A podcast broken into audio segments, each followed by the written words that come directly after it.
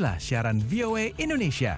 Apabila Anda mencari atau ingin menyimak berita-berita terkini atau headline news, untuk sementara Anda bisa langsung ke situs web kami di www.voaindonesia.com. Sementara itu, mari kita simak informasi menarik berikut ini.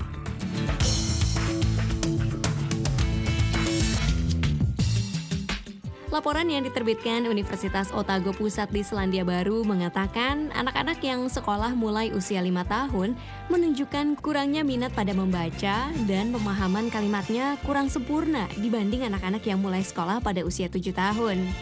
Di seluruh dunia, anak-anak mulai sekolah pada usia berbeda.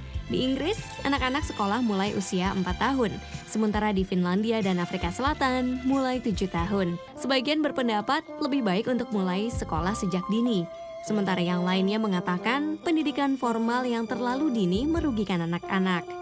Tom Nicholson adalah profesor pendidikan pada Universitas Massey di Albany di Auckland Utara. Dia mengatakan usia tidak jadi soal. Children start school at different times of the year, like in some places at four, some places five, six, seven, eight. And it turns out that what happens is that although the children who start earlier are ahead initially, uh, by about age 10, they've all sort of clo- the, the ranks have closed and they're all sort of reading at about the same level. So in a lot of ways, it doesn't matter what what age that you that you start. Deidre Alderson adalah kepala sekolah Willow Bank di Auckland, Selandia Baru. Dia mengatakan ada tanda-tanda jelas yang menunjukkan kesiapan anak. Children who can follow an instruction, you know, do this and they go and do it. Children who are inquisitive, who are looking for interesting things, children who are happy to engage with other children. They're all things that show readiness towards school. Alderson menyarankan orang tua untuk mulai membekali anak sejak dini. Misalnya dengan memasukkan anak ke playgroup, mengajak bermain di taman, memperkenalkan alfabet, serta membaca dongeng. Semuanya penting agar anak siap sekolah. The voice of America.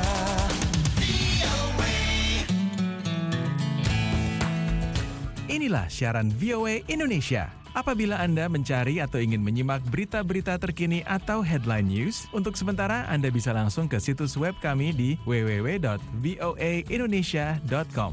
Sementara itu, mari kita simak informasi menarik berikut ini.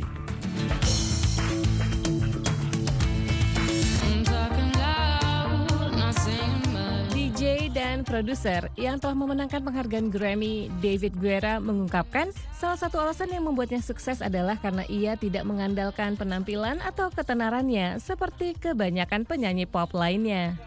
There's something is different for me because I don't really rely on my fame, like my look, my really like I'm behind.